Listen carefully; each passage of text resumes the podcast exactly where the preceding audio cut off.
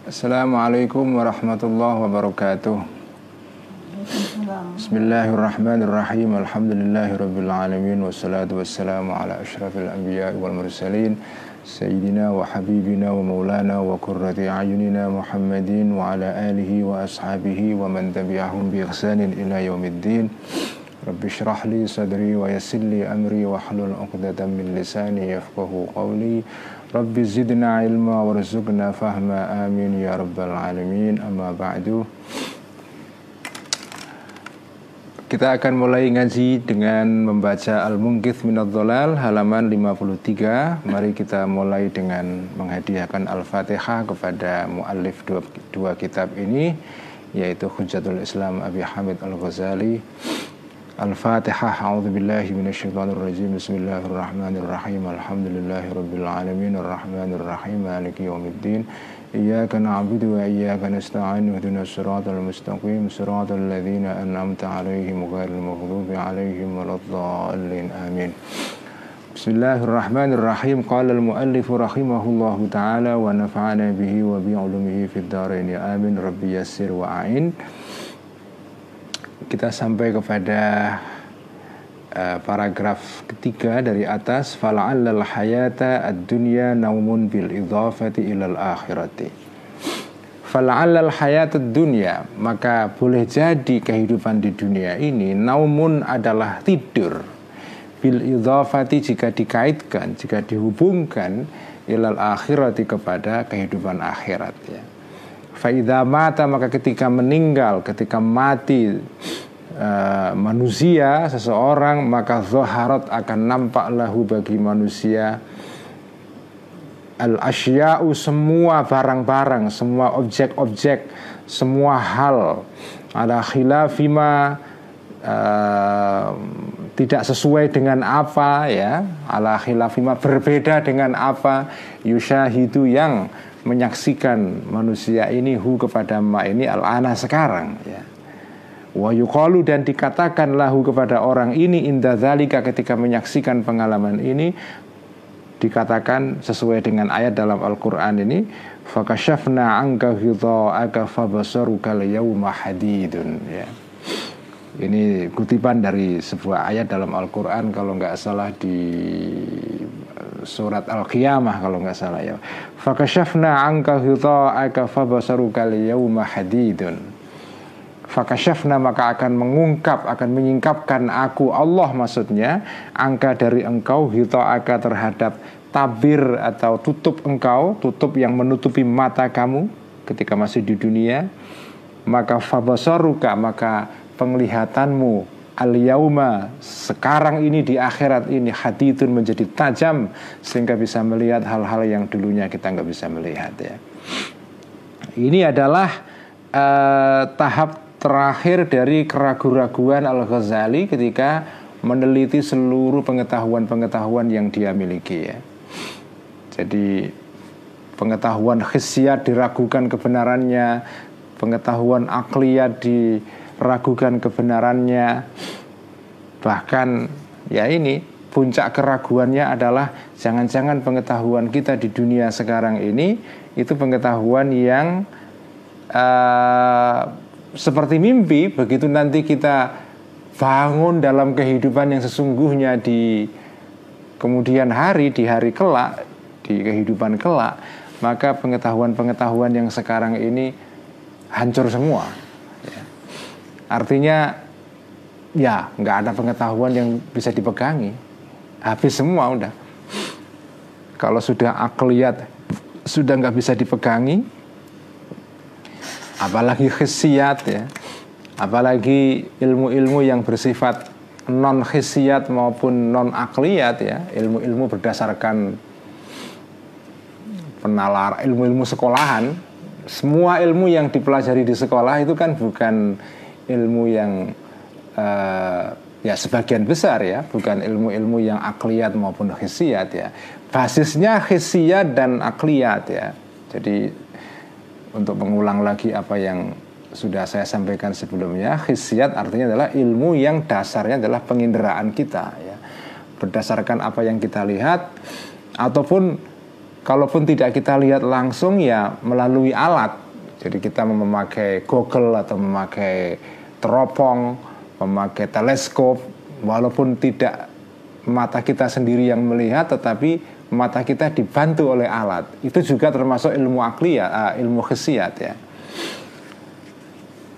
Jadi ilmu-ilmu yang kita pelajari di sekolahan teori ekonomi, teori politik, sejarah, filsafat itu semua bukan ilmu-ilmu yang akliyat. Sebagian ada akliyatnya, sebagian ada khisiatnya, tapi sebagian yang lain besar yang yang lain adalah ya ilmu-ilmu berdasarkan penalaran, penyimpulan dari dari sejumlah data yang ada dan mungkin itu juga bukan data yang memadai ya akhirnya disimpulkan oh begini begini begini begini itu tidak masuk dalam kategori hisiat maupun akliyat ya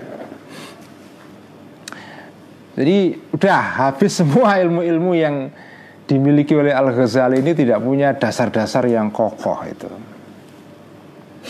Falamma khotorot. Jadi ini puncak puncak skeptisismenya Al Ghazali ya, puncak keraguan beliau.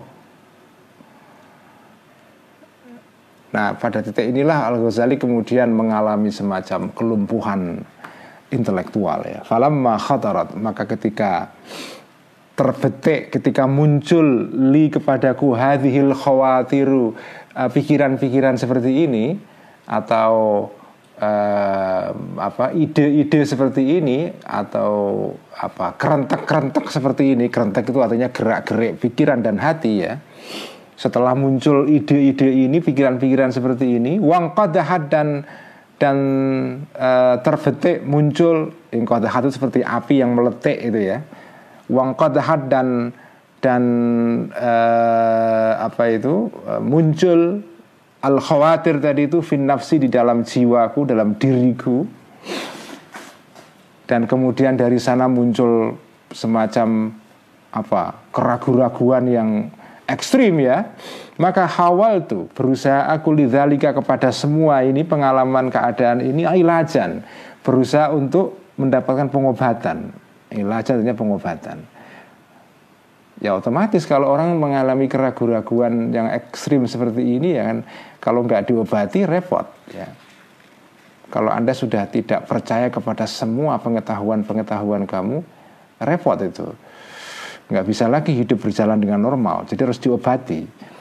Tapi karena ini bukan penyakit fisik ya ini penyakit pikiran jadi pengobatannya nggak bisa pakai obat biasa ya.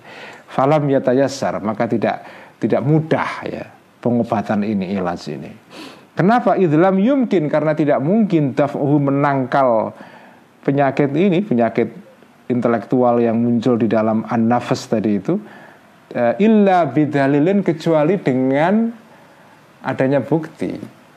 Sementara bukti-bukti sudah dihancurkan semua, gimana itu ya? Walam yumkin dan tidak mungkin nasbu dalilin untuk me menyusun dalil, menegakkan dalil atau bukti ya. Illa min tarkibil ulumil awaliyati kecuali dengan cara menyusun ya, me mengkonstruksi, menyusun ilmu-ilmu yang bersifat aksiomatik al awaliyah yang bersifat awal ya.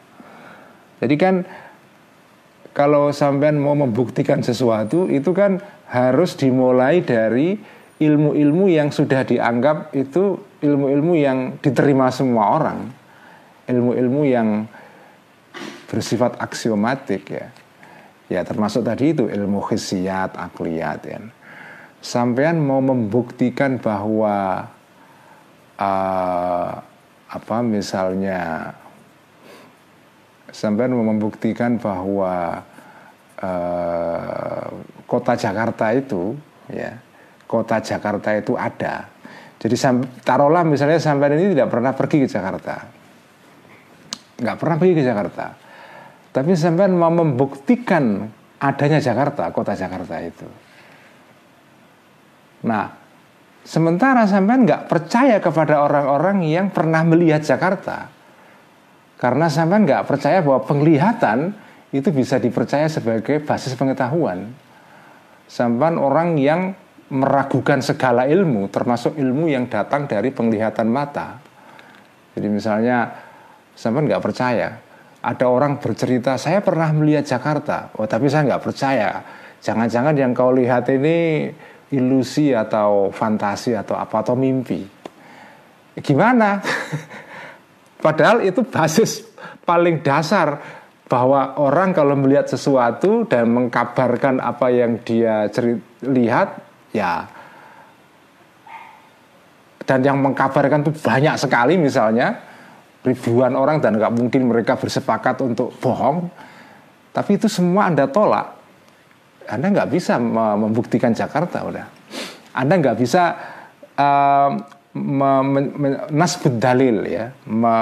Menegakkan dalil. Karena dalil itu harus disusun dari ilmu-ilmu yang paling dasar termasuk tadi itu ilmu yang paling dasar adalah kamu harus percaya penglihatan orang bahwa penglihatan itu bisa menimbulkan pengetahuan. Ketika saya melihat Jakarta, maka saya tahu Jakarta ada.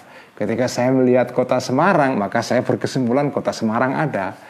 Tapi kalau Anda nggak percaya kepada kesimpulan berdasarkan penglihatan, itu artinya basis pengetahuan yang paling elementer udah kamu tolak. Nggak bisa lagi menyusun pengetahuan setelah itu, karena ya itu dasarnya pengetahuan kan itu. Ya. Jadi nggak bisa lagi udah. Jadi Makanya makanya Al Ghazali ini pada titik ini betul-betul lumpuh. Dia kepingin menegakkan, kepingin mencari dalil untuk membuktikan kebenaran ilmu-ilmu yang dia punyai, tapi semua ilmu-ilmu dasar yang menjadi basis pengetahuan dia ragukan semua udah. Makanya ini penyakit yang nggak mudah diobati ya. Jadi walam yumkin dan tidak mungkin nasbu dalilin untuk menyusun dalil atau bukti illa min tarkibil ulumil awaliyah kecuali dengan cara menyusun ilmu-ilmu yang bersifat aksiomatik, ilmu-ilmu yang a priori ya.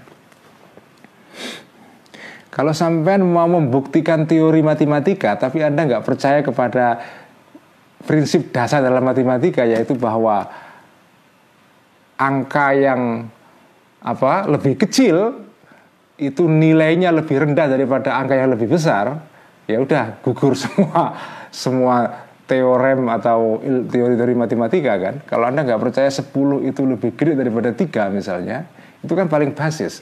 Gimana sampai mau membuktikan seluruh teori-teori matematika? Nggak bisa. Jadi itu. Faidah lam takun maka ketika tidak ada al-ulumul awaliyah ini musallamatan diterima ditolak semua nggak diterima lagi lam yumkin tidak mungkin tertibut dalili untuk menyusun dalil. Mentertibkan artinya disusun ya disusun secara tertib.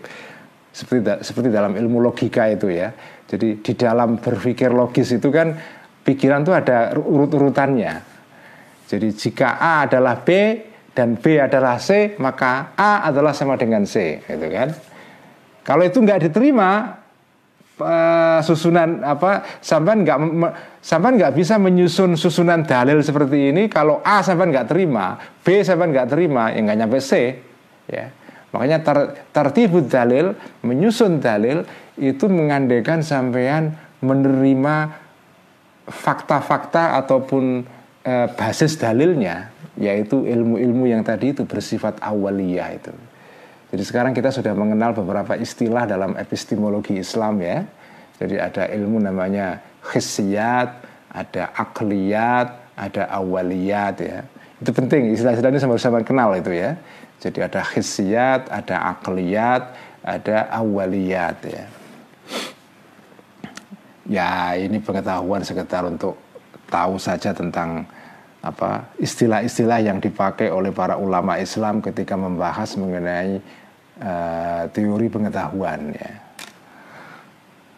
Saya kira teman-teman layak me mengetahui istilah-istilah ini supaya kita tidak tidak ketika berbicara mengenai teori pengetahuan itu langsung istilah-istilah yang dipakai semua istilah-istilah dari barat itu loh. Istilah dari John Locke, dari apa David Hume dari uh, apa para filosof-filosof Eropa ya Francis Bacon dan seterusnya. Ya sekali-kali kita pakai istilah-istilah yang dipakai oleh ulama Islam ya. Ada khisiat ya sebetulnya istilah khisiat itu ada padanan dalam bahasa Inggrisnya. Tapi kan ya bagus juga kalau memakai istilah-istilah yang berasal dari tradisi Islam ini ya Jadi ini uh, uh, apa uh, situasi yang dialami oleh Al Ghazali pada puncak keraguannya. Jadi beliau berusaha untuk mengobati penyakit ini tapi falam yatayassar, nggak mudah. Karena itu fa'adhala, maka menjadi akut ya, menjadi kronis hadadau penyakit ini, penyakit skeptisisme ini, keraguan ini. Wadama dan berlangsung penyakit ini koriban eh, kurang lebih min ini dari dua bulan. Dua bulan Imam Ghazali itu mengalami keraguan-raguan ekstrim, ya, mengalami situasi relativistik. Ya, maksudnya relativistik itu semua hal relatif, semua hal nggak pasti itu maksudnya relativistik ya. Ana aku fihima dalam dua bulan ini alamat habis safsatoti ya. Uh, ana fihima ini jumlah uh, jumlah khobariyah tapi merupakan sifat dari uh, apa itu uh, atau bisa menjadi hal ya. Ana dalam keadaan aku fihima di dalam dua bulan ini alamat habis sabsatati mengikuti madhab sofisme madhab orang-orang yang nggak percaya ilmu itu. Orang-orang sofis ya dalam tradisi filsafat Yunani itu.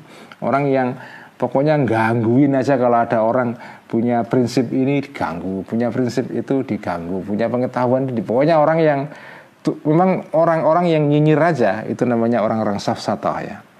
Bihukmil kahali secara eh, secara keadaan menurut hukumnya keadaan. Artinya keadaanku ini sebetulnya keadaan orang seperti saf, orang safsatah, orang orang sofis.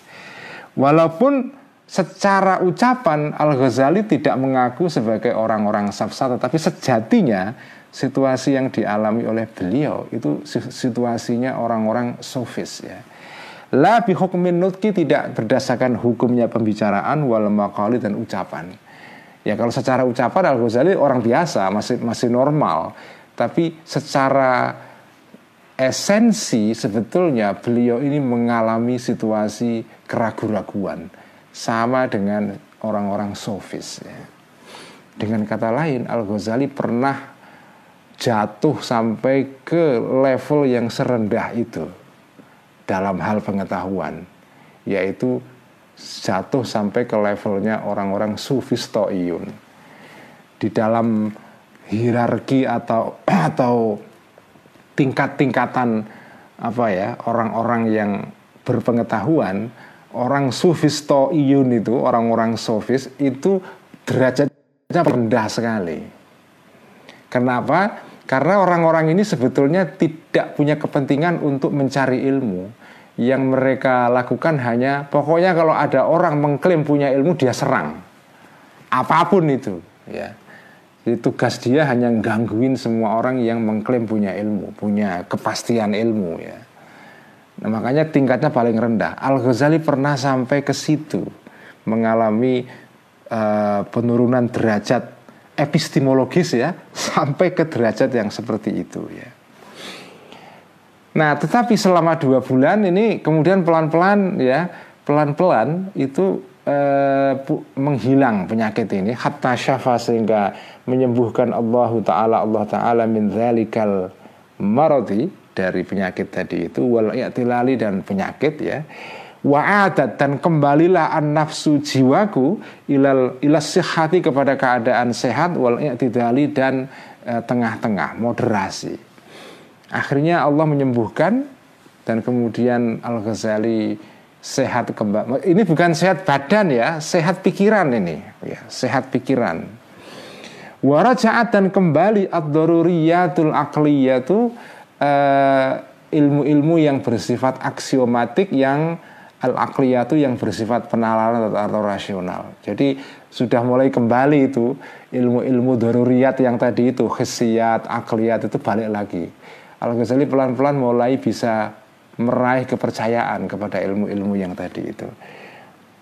Waraja'a dan kembali ad-daruriyatu ilmu-ilmu aksiomatik al-akliyatu yang bersifat rasional makbulatan eh, apa dalam keadaan diterima mausukon di, bisa dipercaya biha terhadap daruriyat ala amnin dalam keadaan aman wa dan keyakinan balik lagi udah Tetapi baliknya pengetahuan ini bukan karena dinalar. Nah, ini yang menarik. Walam yakun dan tidak ada zalika kembalinya doruriyat ini kepada Al-Ghazali.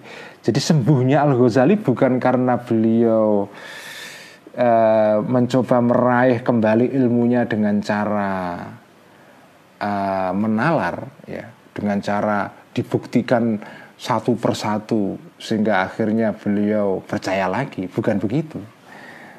Walam yakun dan tidak ada zalika sembuhnya Al-Ghazali tadi itu binazmi dalilin dengan cara menyusun dalil watertibi kalamin dan menyusun premis atau kodiyah ya ucapan maksudnya. Kodiyah ada premis minor, premis mayor, ada kesimpulan ya. Seperti dalam ilmu logika kan? Kalau ngikuti ilmu logika kan pengetahuan itu dicapai dengan cara menyusun apa uh, premis dasar kemudian premis tengah baru sampai ke kesimpulan ya. Uh, ya seperti contoh dalam ilmu mantek itu ya uh, apa itu? Uh, apa? Setiap hewan yang apa itu? Uh, apa? Setiap hewan yang berakal ya kullu hayawanin natikin fahuwa insanun ya. Setiap hewan yang berakal maka dia namanya manusia. Aristoteles adalah hewan yang berakal kesimpulannya maka dia manusia. Itu namanya susunan dalil itu ya. Jadi setiap hewan yang punya akal itu namanya manusia. Ini namanya premis mayornya ya. Apa? Uh, apa? Premis dasarnya, premis uh, minornya. Kemudian premis tengahnya adalah Aristoteles adalah orang atau hewan manu, apa hewan yang berakal. Kesimpulannya maka Aristoteles adalah manusia. Itu namanya susunan dalil itu begitu itu. Nah, Al-Ghazali sembuh dari penyakit skeptisisme tadi itu bukan karena menyusun dalil secara logis seperti itu ya ada kodiyah sugro, kodiyah kubro, ada natijah gitu ya. Tetapi bal binurin melainkan melalui cahaya qadzafa yang melemparkan hu kepada cahaya Allahu Allah taala fis sadri di dalam dada. Jadi sembuhnya itu bukan karena ilmu mantek tapi karena ada cahaya yang diberikan oleh Allah kepada beliau. Wadzalikan nur dan cahaya tadi itu huwa adalah miftahu aktsaril ma'arifi. Adalah merupakan kunci dari sebagian besar pengetahuan-pengetahuan ya. Jadi nah ini baru diketahui Al-Ghazali setelah mengalami krisis.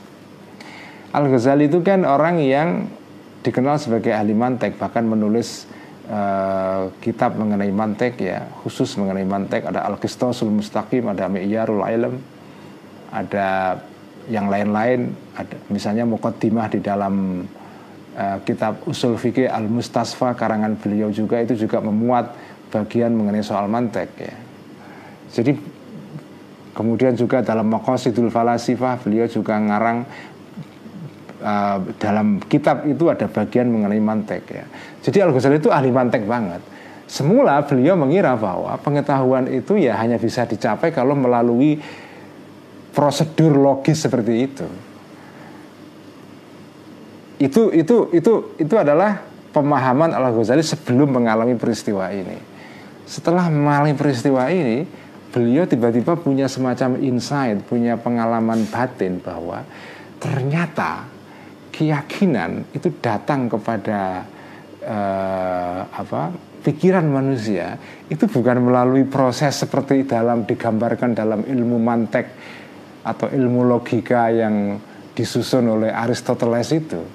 Sebagian besar ilmu yang datang ke pikiran kita itu adalah karena nur, karena cahaya dari Allah. Baru setelah nur itu datang, ilmu mantek menerangkan ini benar sekali seperti pengalaman yang dialami oleh uh, yang terkenal sekali itu Isaac Newton. Isaac Newton itu kan cerita yang terkenal ketika menemukan teori gravitasi itu kan dia kemudian berpikir ada teori gravitasi. Itu kan muncul tak begitu saja.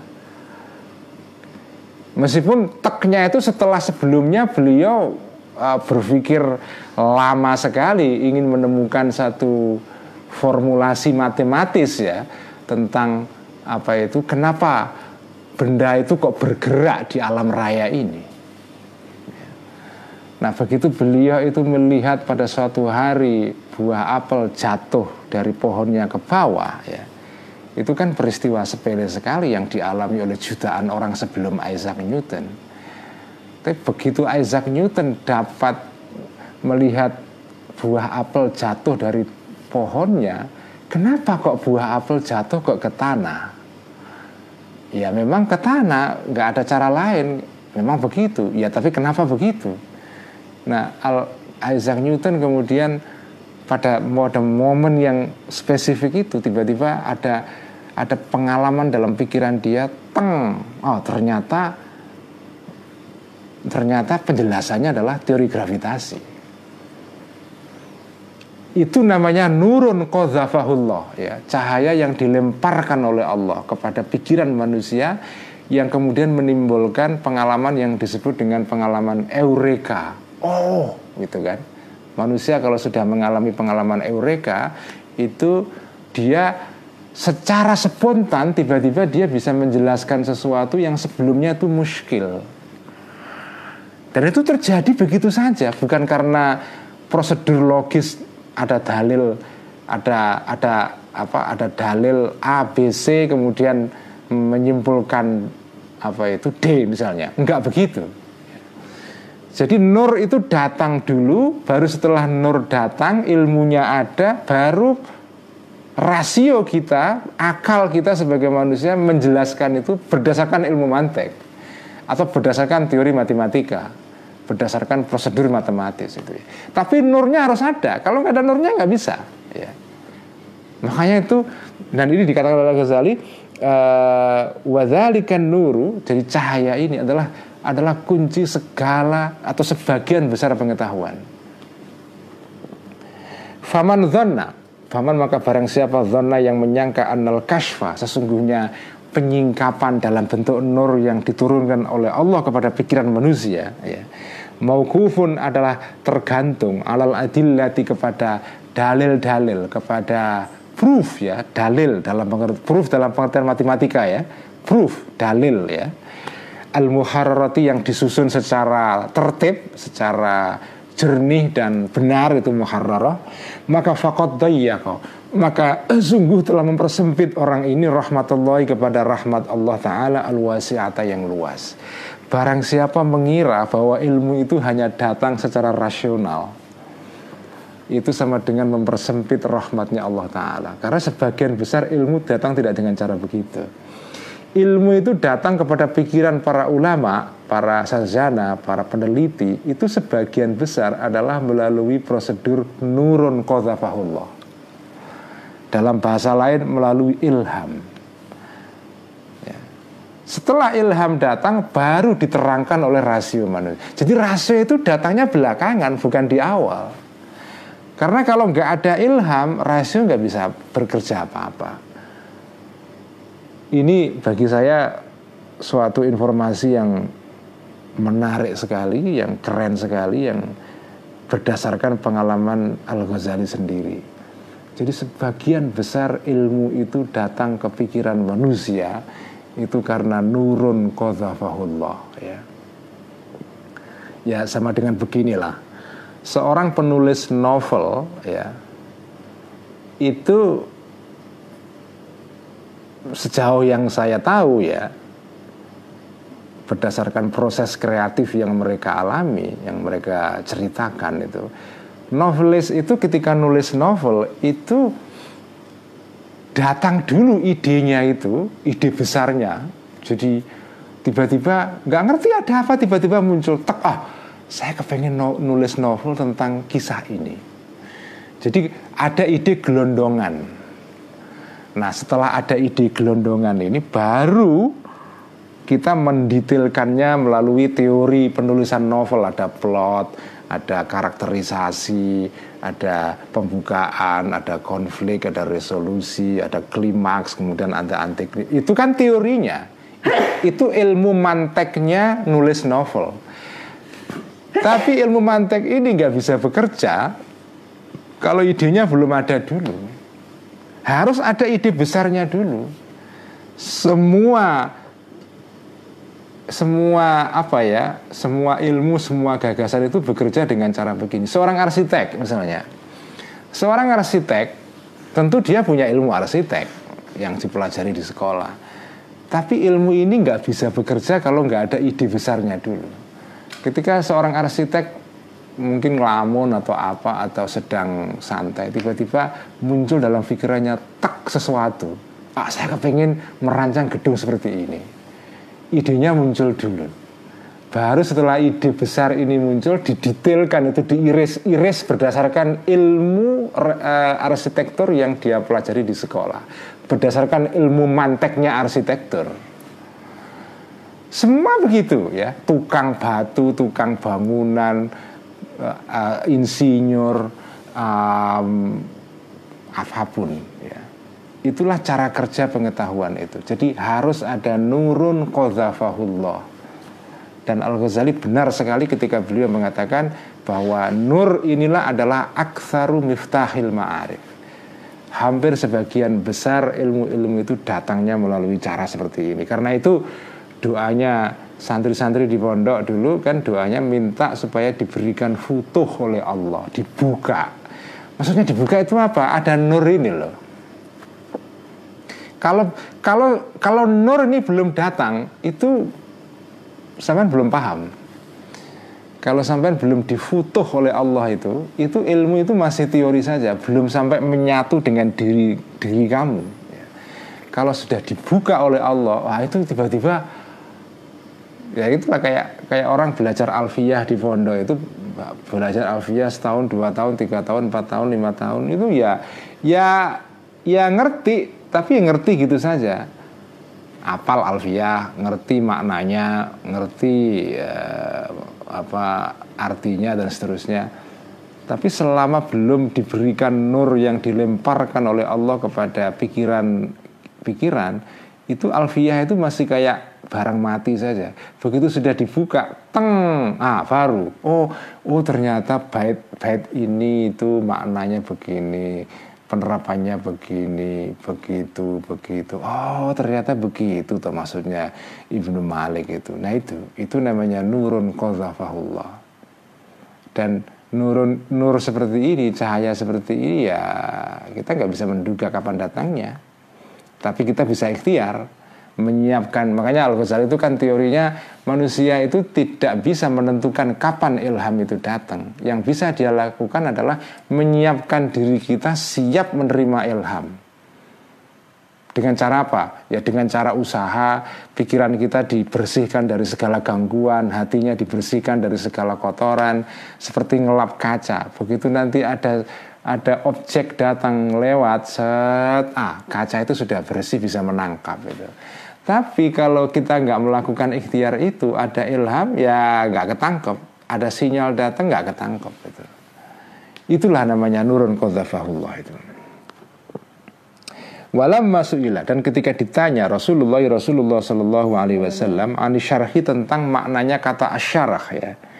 Wa maknahu dan maknanya asyarah fi qawlihi ta'ala di dalam firman Allah Ta'ala dalam ini Al-Quran Faman yuridillahu an yahdiyahu yashrah sadrahu lil Islam Ya Ini ayat yang kita baca dalam Al-Quran ya. Faman barang siapa Yurid yang menghendaki Allahu Allah an yahdiya untuk menunjukkan Allahu kepada man maka jawabnya man ya jumlah syartiyah jawabnya adalah yashrah ya maka akan membukakan Allah sadrahu dadanya orang ini lil islami kepada Islam. Apa maksudnya dibukakan itu?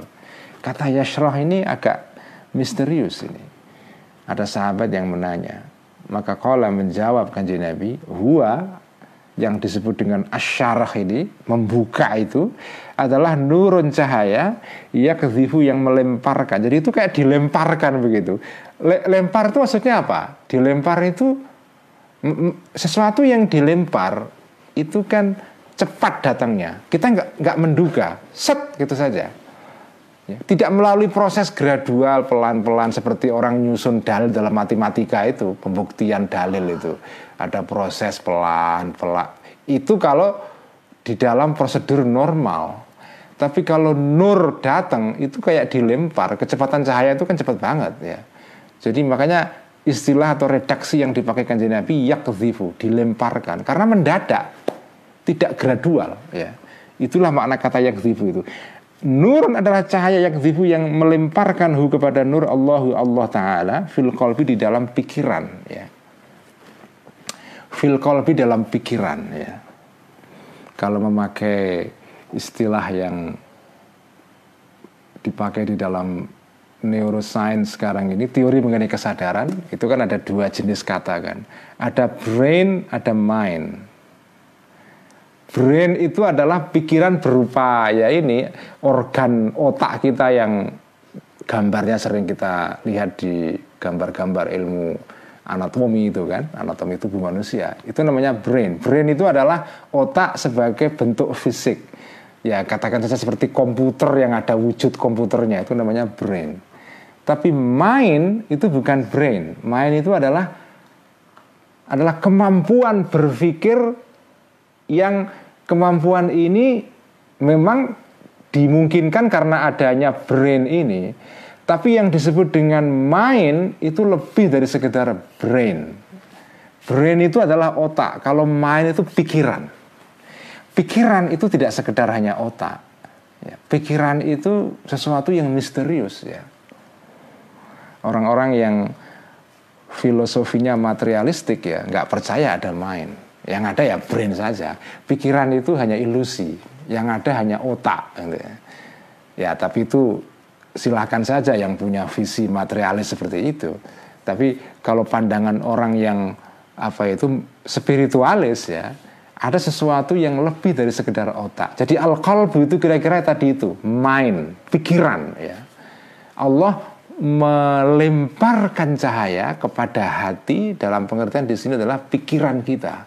Setelah dilempari ide oleh Allah masuk ke dalam pikiran lalu kita kayak itu langsung kayak kayak listrik semula mati dicekrekin saklarnya urip terus murup ah terang semua jadi terang itu fayashrahu maka membukakan Allah lahu bagi eh, al-qalab hati tadi itu atau pikiran as-sadra dada ya memang di dalam pandangan tradisional Islam itu yang disebut dengan qalb itu adanya di dada sini.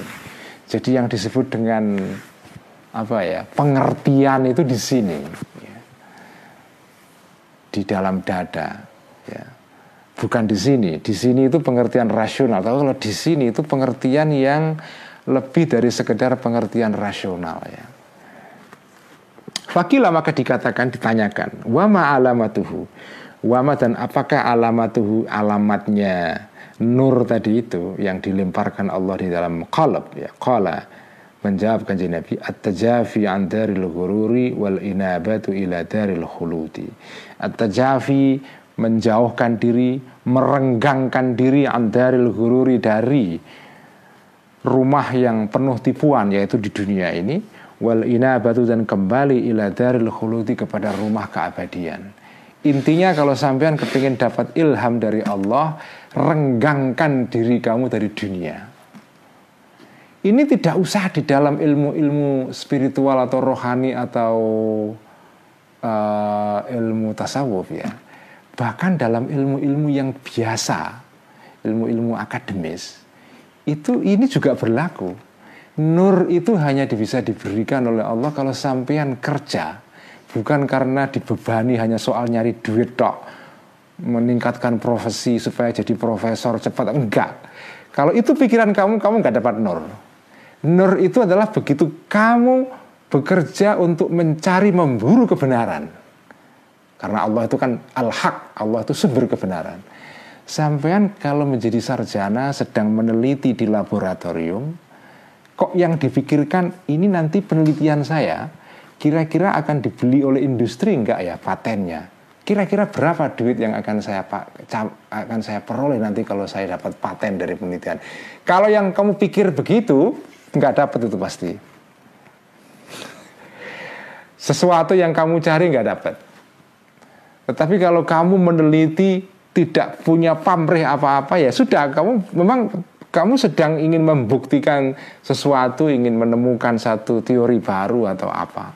Enggak. Jadi kamu at-tajafi anda an, antaril hurur ya. Kamu merenggangkan diri dari pamrih-pamrih material.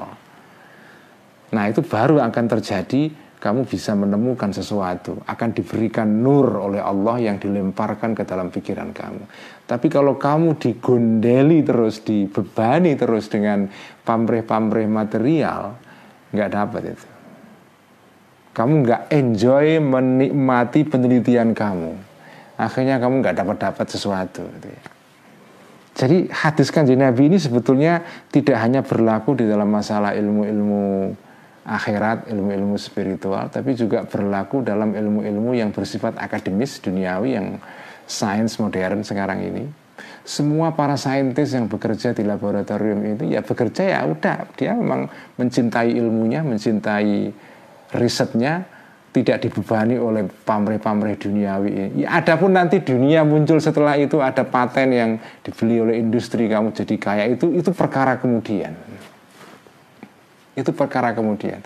Ketika Profesor Habibie menemukan teori mengenai bagaimana mengatasi crack di dalam pesawat itu kan dalam ilmu auro, auro apa aeronautika itu itu kan tidak ketika Pak Habibie me, me, menemukan teori itu itu kan tidak dari awal berpikir kira-kira saya dapat paten apa dari penelitian? Enggak. Ya ada paten kemudian setelah itu dibeli industri kemudian jadi kaya itu belakangan.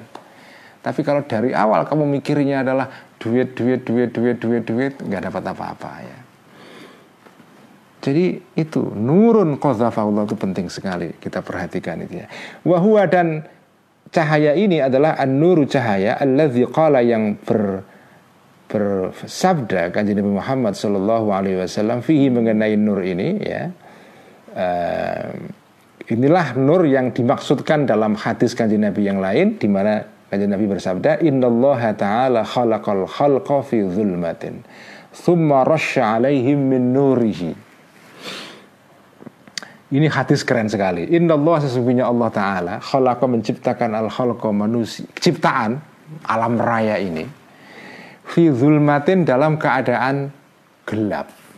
Alam raya ini dengan seluruh isinya dulunya ini konsepsi spiritual ya. Kita nggak bicara mengenai soal astronomi di sini. Dalam konsepsi spiritual itu alam raya ini dulu diciptakan oleh Allah dalam keadaan gelap. Thumma kemudian mencipratkan, menitikkan ya Allah Ta'ala alaihim kepada al-khalq ciptaan-ciptaan ini manusia menuri dari cahayanya Allah. Kemudian Allah me meneteskan, memercikkan cahayanya kepada ciptaannya ini. Setelah cahaya Allah dipercikkan ke dalam ciptaannya ini, terang semua dunia ini. Itu seperti dikatakan oleh Imam Ibnu Athaillah As-Sakandari dalam kitab Hikam ya, dalam salah hikmah Hikam dikatakan di sana uh, al kaunu kulluhu zulmatun. Semua alam raya ini adalah kegelapan. Al kaunu zulmatun. Wa innama anarahu zuhurul haqqi fihi. Sesungguhnya alam raya ini menjadi bercahaya terang ketika ketika ada cahaya masuk ke dalam uh, alam raya ini. Selama belum ada cahaya ini, seorang ilmuwan itu nggak tahu apa-apa, gelap. Mencari penjelasan terhadap fenomena ini, ini kenapa kok begini? Belum ketemu, nggak nggak nggak jelas tuh, gelap. Begitu sudah ada nur, setelah ada nur, ada cahaya dilemparkan oleh Allah ke pikirannya Isaac Newton. Oh ternyata kenapa benda-benda itu bergerak di alam raya ini? Karena ada ada apa itu? Ada daya gravitasi, ada apa itu? Hukum gravitasi yang membuat semua ini bergerak. Ya. Dan bisa dihitung dengan persis dengan tepat dengan presisi ya. Ada rumusan matematikanya itu gravitasinya eh, Newton itu dan itu rumusan yang dahsyat sekali dan itu rumusan ya terjadi setelah ada nurun qadzafahullah itu famin dzalika maka famin dzalikan nuri maka dari cahaya itulah yang bagi seyogyanya an yutlaba untuk dicari al kasfu pengalaman kasyaf, pengalaman disingkapkan apa itu semua tabir-tabir yang menutupi kita dan pikiran kita oleh Allah itu ya. Wadzalikan nuru dan cahaya itu yang bajisu uh, keluar uh, cempleret ya. Keluar secara seperti sumber mata air yang keluar secara apa itu uh, muncrat ya. Yang bajisu muncrat ya, maksudnya keluar dengan deras maksudnya ya. Minal judi dari uh, kemurahan al ilahi yang bersifat ilahi ya, dari kemurahan dari uh, apa sifat kemurahan kemu, kedermawanannya Allah itu fi ba'dil ini di dalam sebagian waktu jadi nur ini enggak datang setiap saat datangnya ini hanya ba'dul ahayin ya. Sekali-sekali saja. Pengalaman eureka atau yang disebut dengan aha momen dalam pengetahuan itu itu nggak setiap saat. Karena kalau manusia tiap hari dapat aha momen itu nggak kuat. Karena orang mengalami aha momen, pengalaman eureka, ketersingkapan, dapat nur dari Allah itu kalau tiap hari orang bisa mati itu. Karena mendapatkan nur semacam ini itu menimbulkan kegembiraan yang luar biasa yang kadang-kadang fisik kita nggak bisa menanggung itu. Makanya datangnya hanya sekali-kali saja. Kalau tiap saat, bu, kalau wahyu kan Nabi itu datang tiap hari nggak kuat kan Nabi itu. Makanya wahyu itu turunnya 23 tahun. Nggak setiap hari nggak kuat, manusia nggak kuat. Menerima nur Allah itu nggak setiap orang kuat juga. Ya. Ini nggak bisa di mengerti kecuali oleh orang-orang yang pernah mengalami pengalaman seperti ini. Ya. Kalau kalau ini gampang saja. Kalau seorang penulis novel kok tiap hari dapat nur ide terus, nggak kuat itu. Karena biasanya orang yang dapat ide seperti ini, nur seperti ini, akan terdorong secara otomatis alamiah untuk menuliskannya. Nah kalau nur tiap hari datang Nur yang pertama belum selesai ditulis jadi novel sudah muncul lagi muncul lagi habis sudah tubuhnya nggak kuat menerima itu makanya makanya Nur ini hanya datang fi ba'dil ahayin. Hanya dalam waktu-waktu tertentu. Nggak setiap saat ya. Nggak nggak kuat. Manusia nggak kuat menerima Nur ini setiap saat ya. Tubuh manusia nggak kuat menerima itu. Wajibu dan wajib dan harus atau sudu untuk meng, me, apa itu ya mengintai ya. Menunggu di pengkolan apa? Menunggu mengintai lahu kepada nur ini. Jadi manusia tugasnya ada menunggu kapan apa nur ini nggak bisa di nggak bisa diprediksi kapan datangnya. Ya nunggu saja kita. Nunggu sambil mempersiapkan diri ya. Kama qala sebagaimana bersabda kanjeng Nabi Muhammad sallallahu alaihi wasallam inna li rabbikum fi ayyami dhahrikum nafahatin ya.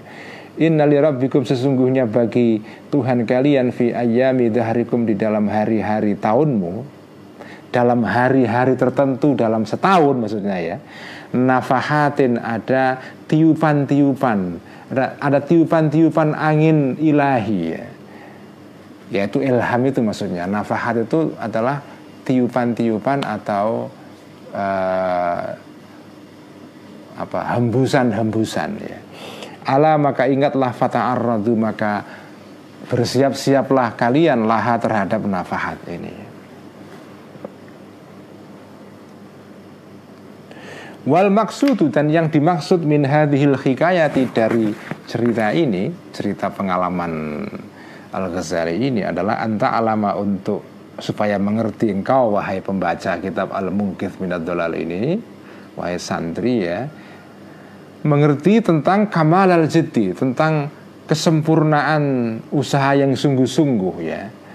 Fitolabi di dalam atau kesungguh-sungguhan yang yang total itu kamal ya jadi total uh, apa uh, apa uh, usaha yang total ya. Usaha yang tanpa uh, apa ragu-ragu. Fitolabi untuk mencari. Mencari apa ya? Mencari kebenaran berupa ilmu-ilmu tadi ini yang diragukan dasar-dasarnya oleh Al Ghazali semula itu.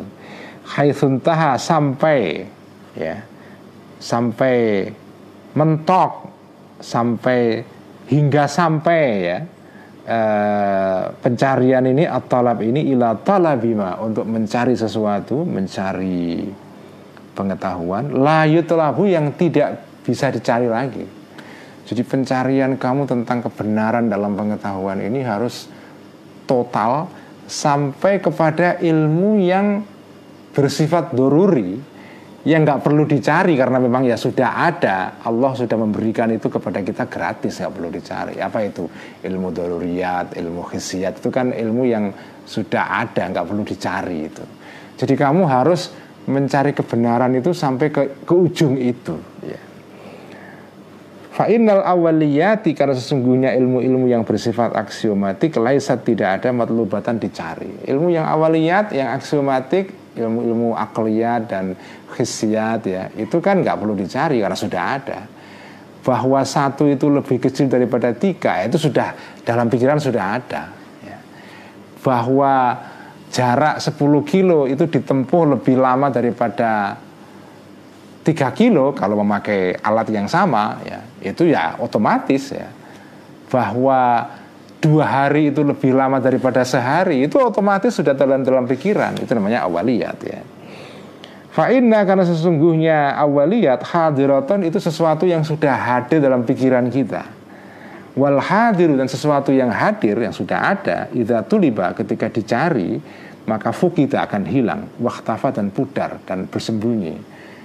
Kalau sesuatu yang sudah uh, merupakan sesuatu yang aksiomatik kok kamu kepingin membuktikan kebenarannya itu malah malah hilang justru ya makanya Al Ghazali tadi itu mengalami tadi itu kondisi keraguan-raguan total itu ya antara lain karena barang-barang ilmu yang seharusnya itu sudah diandekan begitu tiba-tiba di diurak-urak lagi, dikorek-korek lagi ya jadinya malah bubrah semua kan.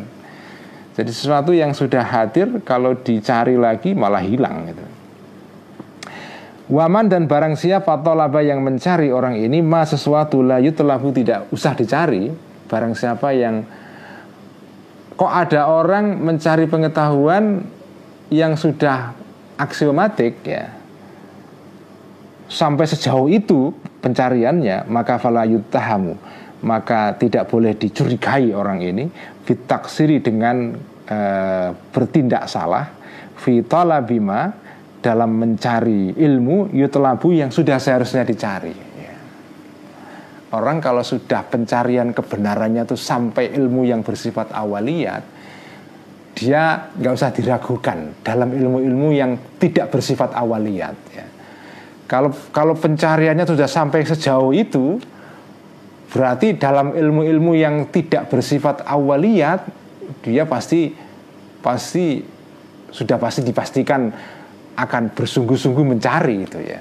Artinya ya artinya kalau dengan analogi yang lain kalau orang mampu lari sampai 20 kilo ya kalau lari 10 kilo itu ya sudah biasa sudah pasti bisa. Kalau dia sudah bisa lari sampai 20 kilo, berarti lari 10 kilo ya pasti bisa. Pasti tidak tidak tidak akan taksir, nggak akan dia uh, apa, nggak akan nggak akan apa itu, nggak akan teledor, nggak akan pasti mampu, bukan bukan tidak mampu ya. Artinya kalau sudah 20 kilo bisa lari 20 kilo ya yang 10 kilo pasti bisa itu ya itu maksudnya fala yutahamu fit taksiri fima yutlab itu ya. Eh, bima yutlab. Sekian ngaji al mungkith kita teruskan besok dengan bab baru ya tentang al qaulu fi asnafi talibin yang juga menarik ini bab ini. Mari kita ngaji ihya sekarang Bismillahirrahmanirrahim. Alhamdulillah rabbil alamin wassalatu wassalamu ala asyrafil anbiya'i wal mursalin sayyidina Maulana Muhammadin wa ala alihi wa ashabihi ajma'in. Amma ba'du faqala al-muallif rahimahullahu taala wa nafa'ana bihi wa bi ulumihi fid dharin amin rabbi yassir wa a'in halaman 990 di paragraf paling akhir wa hadhihi isyaratun ya. Wa hadhihi isyaratun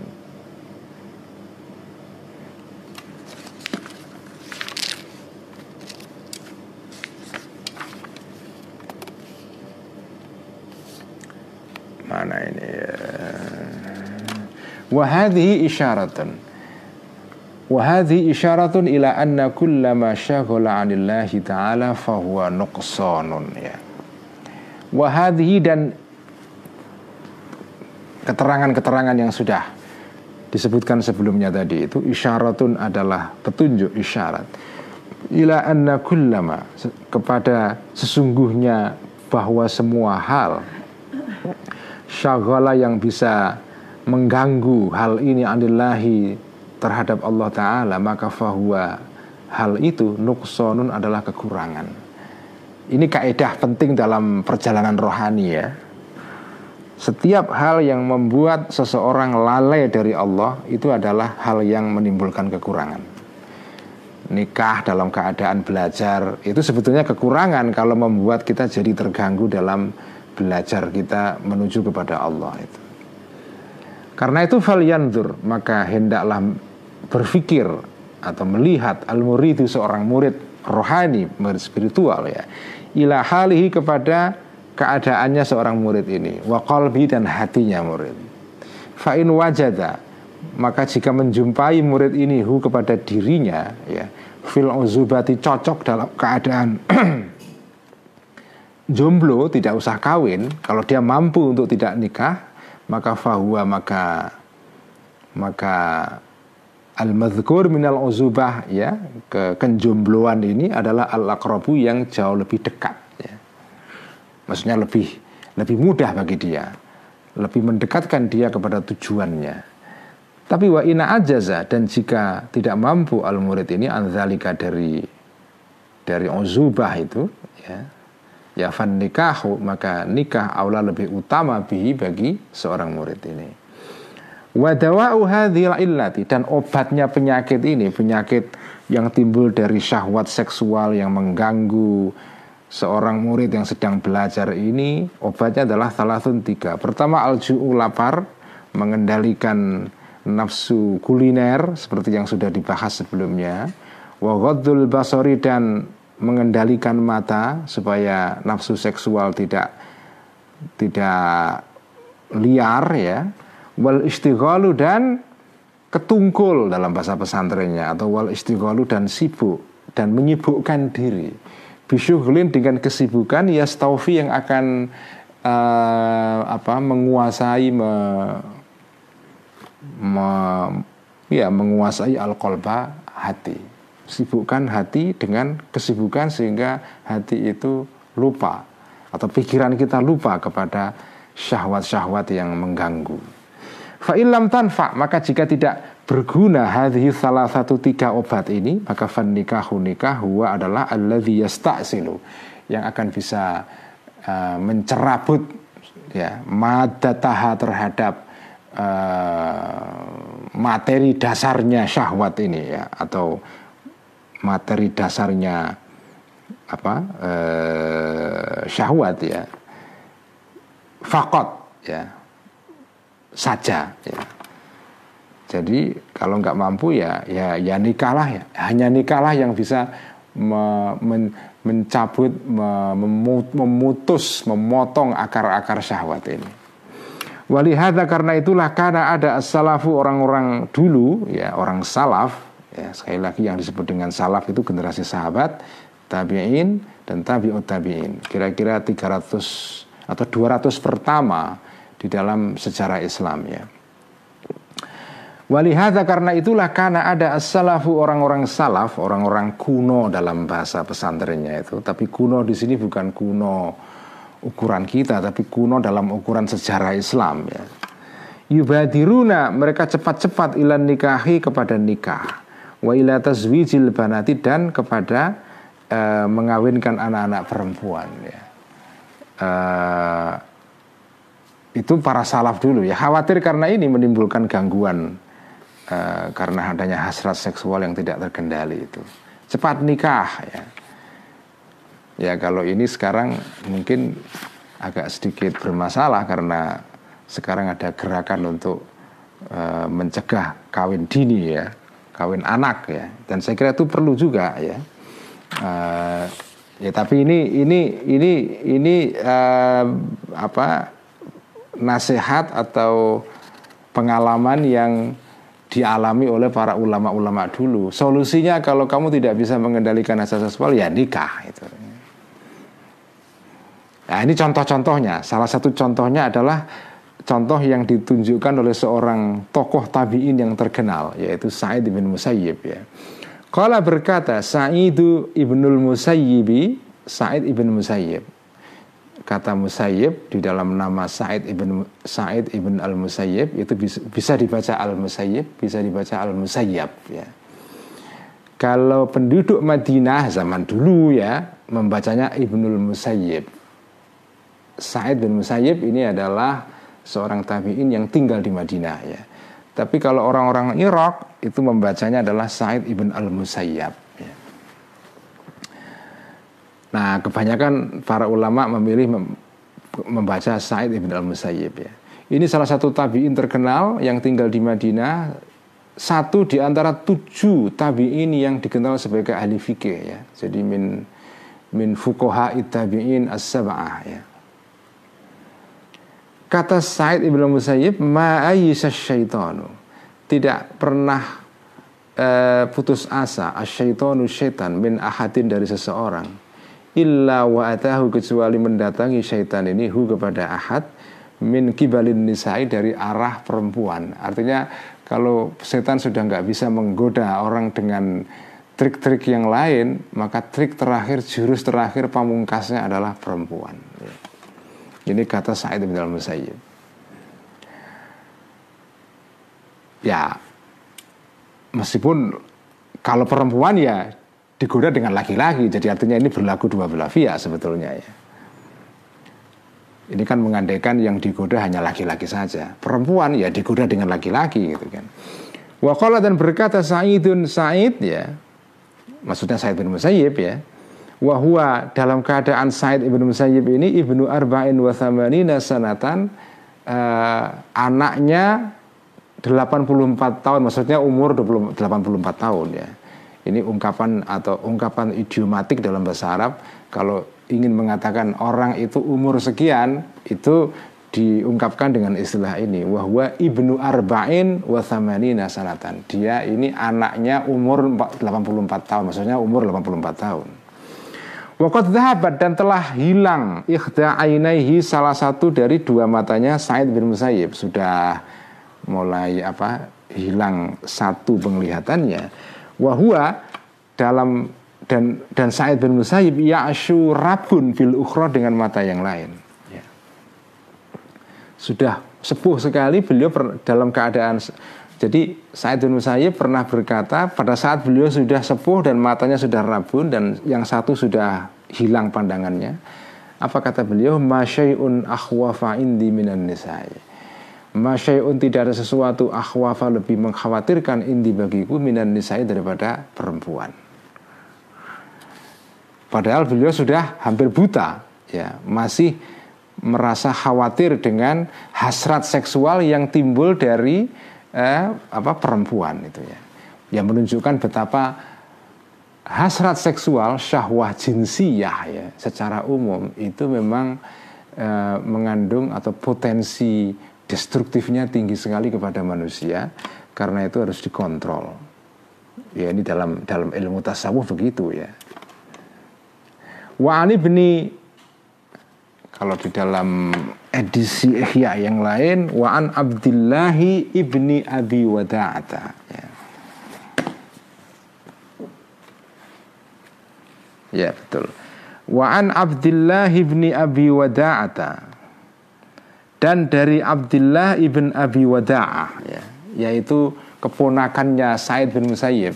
Abdullah bin Abi Wada'ah itu adalah anak keponakan anak saudaranya Said bin Musayyib ya Wa'an Abdullah bin Abi Wada'ah dan dari di, dikisahkan dari Abdullah bin Abi Wada'ah. Ini kisah yang dikisahkan oleh keponakannya eh, Said bin Musayyib yang cerita ini agak lucu ya.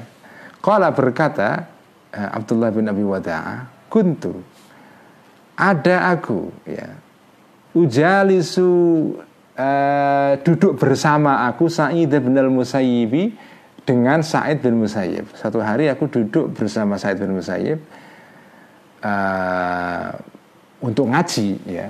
Jadi dikisahkan di dalam beberapa kitab mengenai biografinya Said bin Musayyib ya. Said bin Musayyib itu konon ini orang memang dasar sekali. Selama hidupnya beliau itu hanya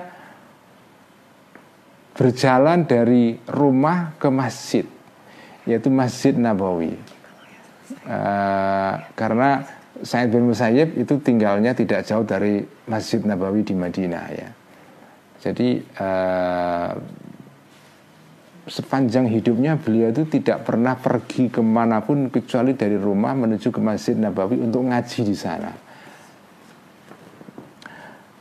Uh, Nah, ponakannya ini apa duduk bareng bersama Said bin Musayyib maksudnya ya ngaji bareng di Masjid Nabawi. Fafaqata maka kehilangan Said bin Musayyib ini kepadaku ayaman beberapa hari. Tiba-tiba saya nggak absen nggak ngaji. Falam maji itu maka ketika datang aku kepada Said bin Musayyib, kala bertanya Said bin Musayyib, Aina kunta, di mana engkau? Kultu menjawab aku maksudnya Abdullah bin Abi Wada'ah, tawafiyat ahli tufiat di apa tufiat meninggal ya.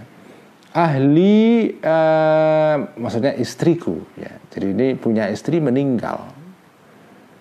Tu maka sibuk aku biha untuk mengurus ahli tadi itu. Faqala maka berkata Said bin Musayyib halla akhbartana fasyahidnaha Halla akhbartana seandainya mengkabari engkau na kepada kami Fasyahidna maka akan menyaksikan kami ha kepada ahl Kepada istrimu yang meninggal. Artinya aku ikut melayat itu. Kamu kok diam saja kenapa nggak ngasih tahu? Kala berkata Said bin Musayyib. Nah, kala berkata Abdullah bin Abi Wada'ah Thumma aratu Maka kemudian ingin aku anakuma untuk berlalu Untuk pamitan maksudnya Berdiri untuk pamitan Fakola maka berkata Said bin Musayyib Halis tahdatha imro'atan ya. Jadi begitu saya pamit mau pergi ya Ditanya oleh Said bin Musayyib Halis tahdatha Apakah uh, memperbaharui engkau? Saja Apakah punya Apakah ber, Apakah kenal engkau imro'atan kepada seorang perempuan? Kamu sudah punya calon istri, istri lagi enggak? Kira-kira begitu Fakultu maka berkata aku maksudnya Abdullah bin Abi Wada'ah Yarhamukallahu ta'ala. Yarhamukallahu ta'ala Semoga merahmatika kepadamu wahai Kiai Sa'id bin Musayyib. Allah ta'ala Allah ta'ala. Maksudnya Masya Allah maksudnya begitu. Kaget ya. Waman yuzawiju. Waman dan siapakah yuzawiju akan mengawinkan orang ini, ini kepada aku? Siapa yang mau mengambil menantu saya? Wama amliku sementara tidak punya aku Illa dirham ini kecuali dua dirham Atau salah atau tiga dirham. Saya nggak punya harta kecuali harta yang sedikit ini. Gak mungkin saya mau nikah kiai Kira-kira gitulah. Fakola maka berkata Said bin Musayyib Ana, aku yang mau mengambil menantu kamu Fakultu maka berkata aku Abdullah bin Abi Wada'ah Wataf alu beneran kamu mau mengambil menantu aku? Kira-kira begitu maksudnya. Kala berkata Said Musayyib Naam iya. Kenapa memang? Langsung spontan ketika itu Fahamida maka memuji Said bin Musayyib Allah kepada Allah Ta'ala Wassalat dan membaca salawat Said bin Musayyib ala Nabi kepada Nabi Muhammad Sallallahu Alaihi Wasallam. Maksudnya khutbah nikah ya. Begitu langsung ditawari di, uh, dijawab ya oleh ponakannya tadi itu ya. Kamu memang betul-betul mau mengambil saya menentu ya dijawab begitu. Langsung khutbah nikah saat seketika itu.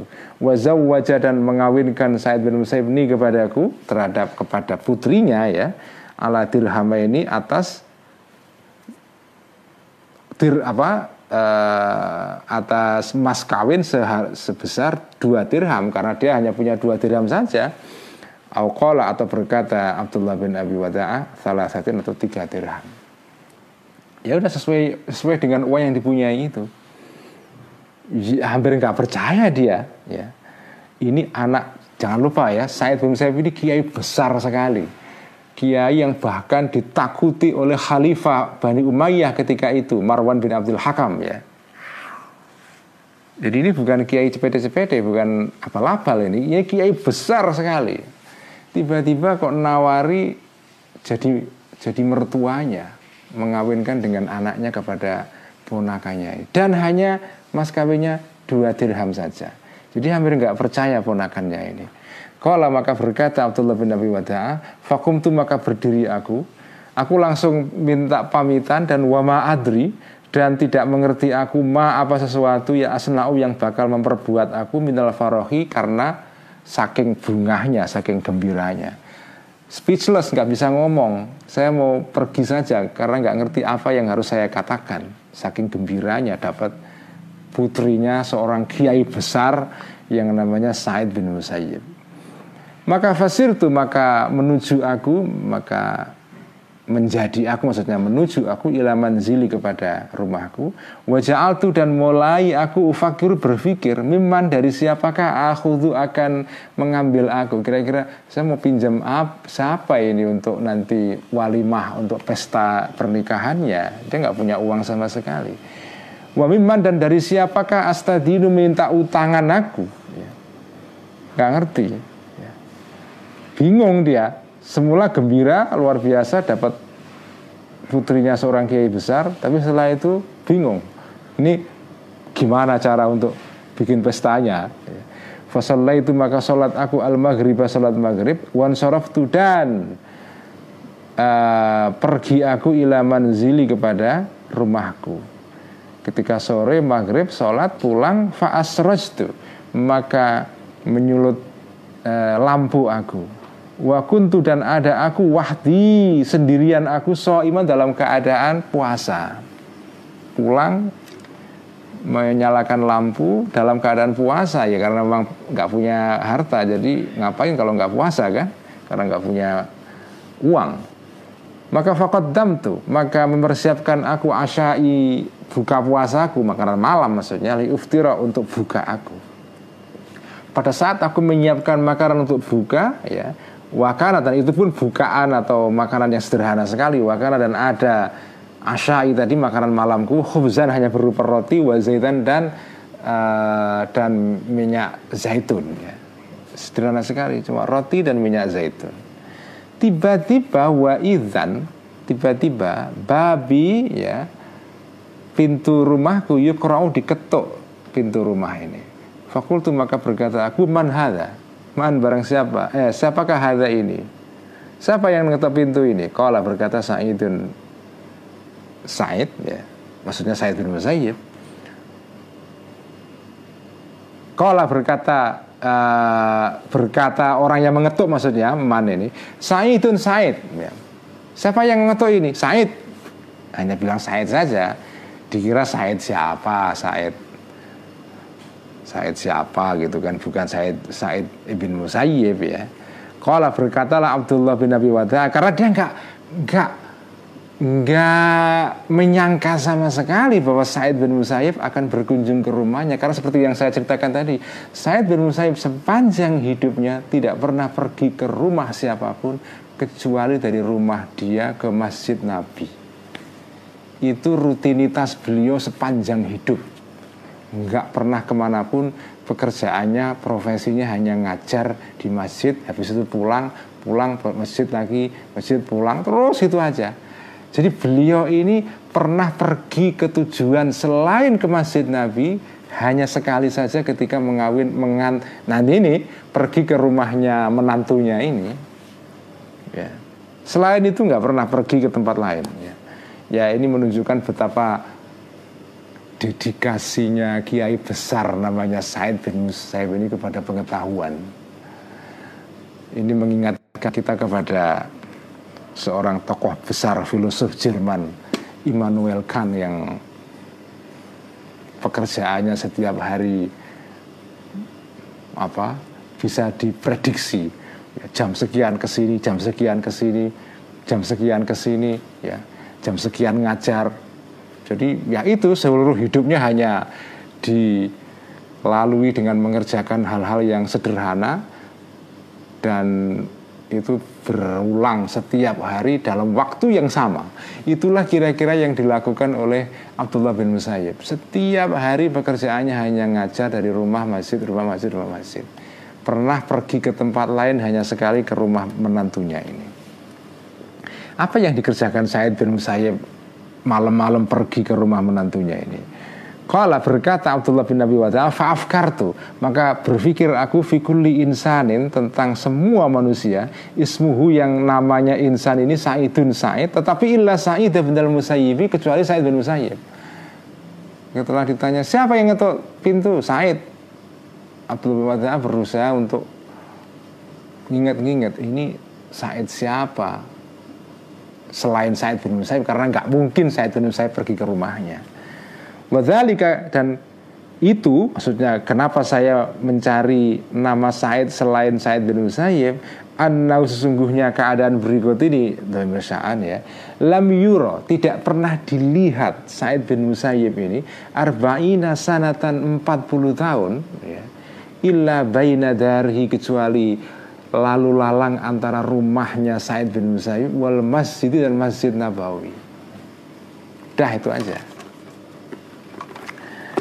Fakum tu maka berdiri aku Fakhoros tu maka keluar aku ilaihi menemui Said bin Musayyib ini Fa'idha fihi Tiba-tiba Orang tadi itu, man tadi itu Sa'id bin Musayyibi Sa'id bin Musayyibi adalah Sa'id bin Musayyib ya. Tiba-tiba yang datang benar-benar Sa'id bin Musayyib. Tu maka mengira aku Anau sesungguhnya Said bin Musayyib Qad bata telah punya pikiran baru maksudnya Lahu bagi Said bin Musayyib. Saya mengira dia mungkin menyesal min, mengambil saya menantunya menikahkan putrinya ke saya Jadi dia datang mungkin untuk membatalkan pernikahan Kira-kira gitulah.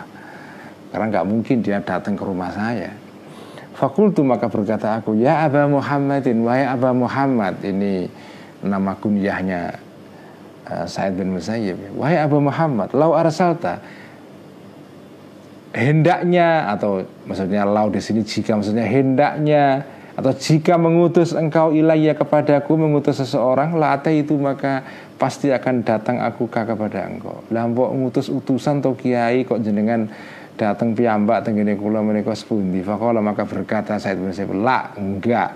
Anta engkau ahakku berhak antukta untuk didatangi kamu layak didatangi Fakultu maka eh, kultu maka berkata aku maksudnya Abdullah bin Abi Wada'ah fama ta'muru? Apa ta'muru memerintahkan kau? Dengan kepingin memerintahkan apa? Qala berkata Said bin Musayyib innaka kunta rajulan azaban. Innaka sesungguhnya engkau kunta ada engkau rajulan semula adalah adalah seorang laki-laki azaban yang jomblo yang nggak punya istri karena ditinggal meninggal istrinya ya. Kemudian fata zawasta maka kemudian nikah engkau. Fakarih itu maka tidak suka aku ya. An an abitaka atau an ubayyitaka. Saya lebih suka membacanya an ubayyitaka ya. Di sini diharokati syakalnya an abitaka. Tapi lebih baik dibaca an ubayitaka an ubayita untuk membuat engkau bermalam ya. Ka kepada an ubayita untuk membuat bermalam aku engkau kepadamu alailata malam ini wahdaka dalam keadaan engkau sendirian. Aku nggak ingin malam ini kamu tidur sendirian di rumah. Padahal kamu sudah nikah yaitu nikah dengan putriku. Wahati dan inilah imro'atuka istrimu. Dibawa itu putrinya untuk diantarkan ke rumahnya Abdullah bin Abi Wada'a ini. Fa'idha Fa'idhan Maka dumadaan maka tiba-tiba hia perempuan yaitu putrinya Said bin Musayyib tadi itu imatun berdiri khalfahu di belakangnya Said bin Musayyib.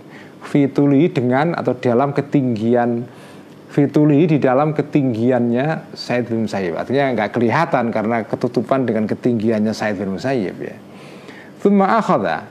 Kemudian memegang Said bin Musayyib biar biar Said bin Musayyib ya biar dia dengan atau ke, kepada tangannya perempuan tadi itu putrinya itu. Fadafa'a. Maka mendorong Said bin Musayyib kepada perempuan tadi itu fil babi ke, ke, ke arah pintu. Waradda dan dan menolakkan maksudnya mendorong Said bin Musayyib hu eh, kepada pintu pintu ditutup jadi anaknya putrinya disuruh masuk ke rumahnya Abdullah bin Wada'a ini kemudian pintu ditutup oleh Said bin Musayyib ya. Fasaqatat maka jatuhlah almar'atu perempuan putrinya Said bin Musayyib tadi itu minal hayai karena malu ya. Ya nggak pernah kenalan sama sekali tiba-tiba dinikahkan jadi saking malunya jatuh ya. Jatuh ke tanah maksudnya. Fastauthaqtu maka mempererat aku minal mempererat aku apa uh, minal babi terhadap pintu artinya berpegangan kepada pintu uh, untuk memegangi istrinya ini yang baru ini ya. Summa taqaddam tuh kemudian maju aku ilal ati kepada kepada nampan kepada apa ya nampan allati fiha yang di dalam nampan ini azza-itu ada tadi itu minyak zaitun wal khubzu dan roti yang dia siapkan untuk buka puasa. Fawadha'tu maka me me meletakkan aku ha kepada nampan tadi kos'ah fi siraji di dalam bayang-bayang lampu. Likaila taro supaya tidak melihat perempuan tadi anaknya Said bin Musayyib kepada makananku ini. Dia malu masa makanannya cuma roti sama sama apa itu minyak zaitun saja. Dia malu eh, apa apa tengsin lah ya masa calon baru ya baru kenalan ketahuan dia kere ternyata ya. Thumma itu kemudian naik aku asadha asadha ya kepada loteng kepada apa uh, atap rumah ya.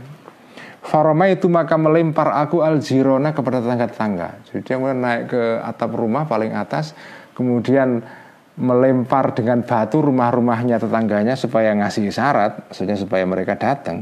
Faja'u maka berdatangan para tetangga ini ini kepadaku waqalu dan berkata para tetangga-tetangga ini, "Ma sya'nuka?" Ma apakah sya'nuka keadaan ada apa memang itu? Kultu berkata aku, "Wahai hakum, celaka kalian, maksudnya celaka aku." Celaka ini. Kenapa zawaja menikahkan ini kepadaku Sa'id bin Musayyib Sa'id bin Musayyib bintahu kepada putrinya Sa'id bin Musayyib al hari aku hari ini dinikahkan jadi menantunya kiai besar Sa'id bin Musayyib Waktu dan sungguh telah datang Sa'id bin Musayyib biha dengan membawa putrinya tadi itu anak putrinya Allah malam ini Allah ghaflatin secara diam-diam tiba-tiba dia dibawa anaknya ke rumahku diam-diam Fokalu maka bertanya para tetangga-tetangganya ini, Sa'idun zawajaka? Sa'idun Sa'id bin Musaib zawajaka menikahkan Sa'id kepadamu? Benar. Kiai sebesar Sa'id bin Musaib mengambil kamu menantu. Kultu berkata aku na'am iya. Wahahiyya fidari wahahiyya. Dan dia dan lihatlah dia perempuan anaknya Sa'id bin Musaib tadi fidari di rumah. Ini sekarang lagi di rumah saya ini Fanazalu maka kemudian berdatangan turun ya para tetangganya ini ilaiha menuju kepada rumahnya kepada dar maksudnya kepada rumahnya Abdullah bin Abi Wada'ah Wabalahu dan sampailah dalika berita ini umi kepada ibuku. Ibunya pun belum tahu karena baru siang tadi dinikahkan, belum tahu kalau dia nikah lagi. Fajahat maka berda, maka datanglah ibunya ini, ibunya Abdullah bin Wada'ah waqala dan berkata, apa kata uh, ibunya dia wajhi min wajhika haramun in masastaha qabla an uslihaha ila thalathati ayyamin wajhi wajahku min wajhika dari wajahmu haramun haram. Aku nggak sudi melihat muka kamu wahai anakku Abdullah bin Wasa maksudnya. In masasta jika menyentuh engkau ha kepada putrinya Said bin Musayyib, aku enggak rela kamu menyentuh dia qoblaan usliha sebelum memperbaiki aku ha kepada Bintun tadi putrinya Said bin Musayyib, bin Musayyib ila salah satu ayamin sampai tiga hari. Sebelum aku dandani sebelum aku maksudnya diperbaiki itu maksudnya ya di didandani di dirawat dulu lah. Dipingit selama tiga hari. Aku nggak rela. Jangan sentuh dulu sampai tiga hari kira-kira gitu kata ibunya. Kala berkata Abdullah bin Abi Wada'ah Fa'akom tu maka diam aku salatan selama tiga hari nggak menyentuh istriku Thumma tu Kemudian setelah itu Thumma tu kemudian Kemudian masuk aku Atau berhubungan suami istri aku Biha dengan pintu tadi ke, ke, dengan anaknya Said bin Musayyib. Faidahia maka tiba-tiba hia perempuan tadi min ajmalin nisa'i salah satu dari perempuan paling cantik ya.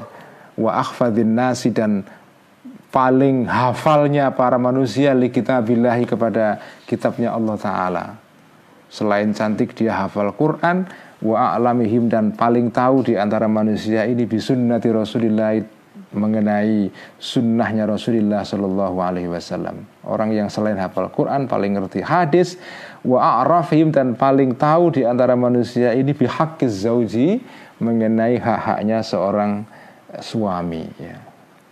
Kala berkata Abdullah bin Abi Wada'ah, famakastu, maka diam aku syahron selama sebulan. Ya. Selama sebulan saya absen nggak ikut ngaji karena honeymoon, layakti tidak datang nih kepadaku Sa'idun Sa'id bin Musayyib juga walaati dan tidak datang aku hi kepada Sa'id bin Musayyib Falam makana maka ketika ada Sa'id bin Musayyib ya kurba syahri kira-kira sebulan ada itu datang aku ya. Wahwa hu kepada Sa'id bin Musayyib. Wahwa dalam keadaan Sa'id bin Musayyib tadi itu fi halakoti di dalam halakoh pengajiannya Sa'id bin Musayyib. Ya memang pekerjaannya Kiai satu ini hanya tabiin yang satu ini hanya ngajar saja. Nggak ada yang lain itu ya. Selama hidupnya hanya ngajar. Fasalam tu maka membaca salam aku maka uluk salam aku alaihi kepada Said bin Musayyib Faradda maka menjawab Said bin Musayyib alaiya kepadaku assalam assalam walam yukallim dan tidak berbicara Said bin Musayyib ini kepadaku hatta tafarraqa sehingga bubar annasu para santri-santri minal majlisi dari majlis pengajiannya. Faqala maka kemudian berkata Said bin Musayyib, "Ma halu dzalikal insani?" Ma bagaimanakah apakah halu dzalikal insani? Keadaan manusia itu yang manusia kemarin itu maksudnya ist, maksudnya ist, apa putrinya sendiri gimana manusia yang aku kawinkan kepadamu itu? Ya ya maksudnya agak agak sedikit bergurau ya. Gimana? Ya kesan kamu kultu berkata aku khairan ya Aba Muhammadin. Khairan ya. Uh, ya baik. Ay kana khairan ya. Baik ya ya Aba Muhammadin wahai Aba Muhammad ya Wah keren banget kira-kira gitulah. Alama yuhibbu sesuai dengan sesuatu yuhibbu sadiku yuhibbu yang senang as-sadiku seorang teman wa yakrahul adu dan benci al adu seorang musuh. Ini ungkapan idiomatik artinya keren banget putri jenengan kira-kira gitu. Kala berkata Said bin Musayyib in rabaka syai'un in raba menimbulkan keraguan kah kepada engkau. Syai'un sesuatu berkenaan dengan istri kamu yang merupakan anakku sendiri itu maka fal asa maka maka tongkat. Ya maksudnya kalau ada hal-hal yang kamu merasakan tidak benar pada istri kamu ya ya fal asa di sini maksudnya ya diajar di diedukasi ya. Bukan dipukul dengan tongkat ya Ya ini memang agak problematis kalau dibaca dalam konteks sekarang ya karena ya kita harus membaca ini dalam konteks pada zamannya ya. Mungkin sebagian orang memperlakukan istri dengan uh, cara yang mungkin agak sedikit keras dengan menggunakan ya apa ya di Quran kan dikatakan boleh memukul tapi memukul yang yang tidak menimbulkan kesakitan sekedar untuk mengajar saja. Ya jadi fal asor di sini artinya ya memberikan edukasi ya. tuh maka kemudian pulang aku ilaman zili kepada rumahku. Setelah itu pulang fawad jaha karena saya saya ini kiai yang lumayan kaya juga ya. Fawad jaha maka kemudian mengirim Said bin Musayyib ilayya kepadaku bi alfi dirhamin ya. Fi isyrina alfa dirhamin. Fi isyrina dengan 20 alfa dirhamin 20 alfa dirhamin 1000 1000 dirham. Setelah pulang oleh mertuanya dikirim uang 20 ribu dirham. Sudah dikasih anaknya dikirim uang 20 ribu dirham. Jadi udah beruntung berlipat-lipat ini kan. Kala berkata Abdullah bin Sulaiman Abdullah bin Sulaiman ya ini uh, apa komentator mengenai kisah ini. Wakana dan ada bintu Sa'idin ibnil Musayyibi putrinya Said bin Musayyib. Padahal ini menurut Abdullah bin Sulaiman keterangan dari beliau ini putrinya Said bin Musayyib ini khataba telah melamar ha kepada bin bin eh, kepada kepada putrinya Said ini Abdul Malik ibnu Marwana Abdul Malik ibn Marwan. Yaitu uh, khalifah. Ini khalifah ini ya. Khalifah uh, salah satu khalifah dalam dinasti Bani Umayyah ya. Libnihi bagi putranya Malik bin Abdul Malik bin Marwan. Khina wallas ketika menguasakan Abdul Malik tadi itu hu kepada ibnihi al ada perjanjian maksudnya sebagai putra mahkota. Ketika dijadi ketika diangkat jadi putra mahkota dia melamar putrinya Said bin Musayyib untuk putra mahkota. Fa'aba maka tidak mau Saidun Said bin Musayyib an yuzawwija untuk mengawinkan Said bin Musayyib hu kepada anaknya Abdullah Abdul Malik bin Marwan tadi itu Falam yazal maka terus menerus Abdul Maliki Abdul Malik bin Marwan yahtalu berusaha ala Sa'idin terhadap Sa'id bin Musayyib. Berusaha meyakinkan supaya mau mengawinkan putrinya dengan anaknya. Hatta bahkan hanya bukan hanya itu hatta doroba sehingga memukul mencambuk ya. Abdul Malik bin Marwan hu kepada Sa'id bin Musayyib. Mi atas sautin seratus cambukan fi yaumin pada suatu hari baridin yang dingin pada musim dingin ya wasabba dan me, me, apa, me, menumpahkan me, menumpahkan Abdul Malik bin Marwan alaihi kepada Said bin Musayyib jarratama'in satu ember atau satu gentong air ya. Wa albasa dan memberikan pakaian Abdul Malik bin Marwan hu kepada Sa'id bin Musayyib jubbata sufin jubah yang terbuat dari bulu. Artinya dikasih pakaian yang jelek sekali. Dipukul dicambuk 100 kali udah gitu diguyur dengan air pada masa musim dingin terus dikasih baju hanya baju berupa jubah saja ya. padahal yang ngelamar putrinya adalah khalifah sultan malah yang dapat untung dan dapat rezeki nomplok keponakannya sendiri. Yang tidak punya harta selain dua dirham saja. Ya ini contoh bagaimana eh, nikah yang ideal ya tapi nggak semua orang bisa seberuntung ini ya. Artinya inilah contoh kalau kamu mau nikah sebagai murid nggak bisa nahan syahwat seksual kamu ya. Carilah carilah ya seorang istri yang yang yang yang punya kualitas seperti ini ya. Ya meskipun nggak semua orang bisa seberuntung Abdullah bin Nabi Wada'a ya. Fasti jalu Sa'idin. Apa moral ceritanya? Fasti jalu Sa'idin maka buru-burunya Sa'id bin Musayyib fiz zafafi untuk dalam menikahkan putrinya tadi itu tilka fiz zafafi untuk terjadinya zafaf, terjadinya pergaulan suami istri itu zafaf ya. Konsumasi ya tilkal lailata pada malam itu yu'arrifu memberitahu keburu keterburu-buruannya Kiai Said bin Musayyib tadi itu bin Musayyib maka kepadamu ilatas syahwati terhadap bahayanya syahwat seksual. Betapa syahwat seksual itu berbahaya kalau dibiarkan. Sehingga begitu rupa sehingga Sa'id bin Musayyib itu terburu-buru menikahkan putrinya kepada seorang laki-laki yang miskin seperti ini. Wa wujubal mubadarati dan memberitahu kepadamu tentang wajibnya, harusnya cepat-cepat ila tatfi'ati nariha untuk memadamkan apinya syahwat ini bindikahi dengan cara nikah. Radhiyallahu anhu wa rahimahu. Semoga meridhoi Allah anhu kepada Sa'id bin Musayyib wa rahimah dan merahmati Allahu kepada Sa'id bin Musayyib. Inilah kisah yang fantastik ya tentang Sa'id bin Musayyib yang diceritakan di banyak buku tabaqat, di banyak buku tarajum ya. Salah satu kisah unik dari Sa'id bin Musayyib mengenai putrinya yang dilamar khalifah ditolak dan kemudian dinikahkan dengan seorang laki-laki yang kere ya. Sekian ngaji ya malam ini semoga kita mendapatkan berkah dari kitab Ihya. Mari kita tutup dengan salawat timbil kulun.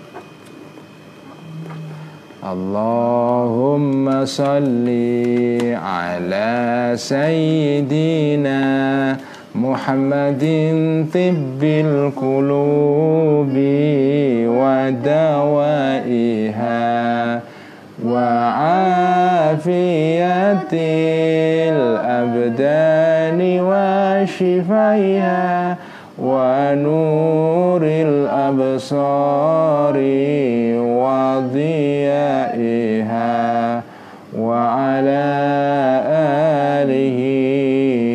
وصحبه وسلم. اللهم صلِّ على سيدنا محمد طب القلوب ودوائها وعافية الأبدان وشفيها ونور الأبصار وضيائها وعلى آله وصحبه وسلم. اللهم صل على سيدنا محمد طب القلوب ودوائها وعافية الأبدان وشفيها ونور الأبصار وضيائها وعلى آله وصحبه وسلم sekian wassalamualaikum warahmatullahi wabarakatuh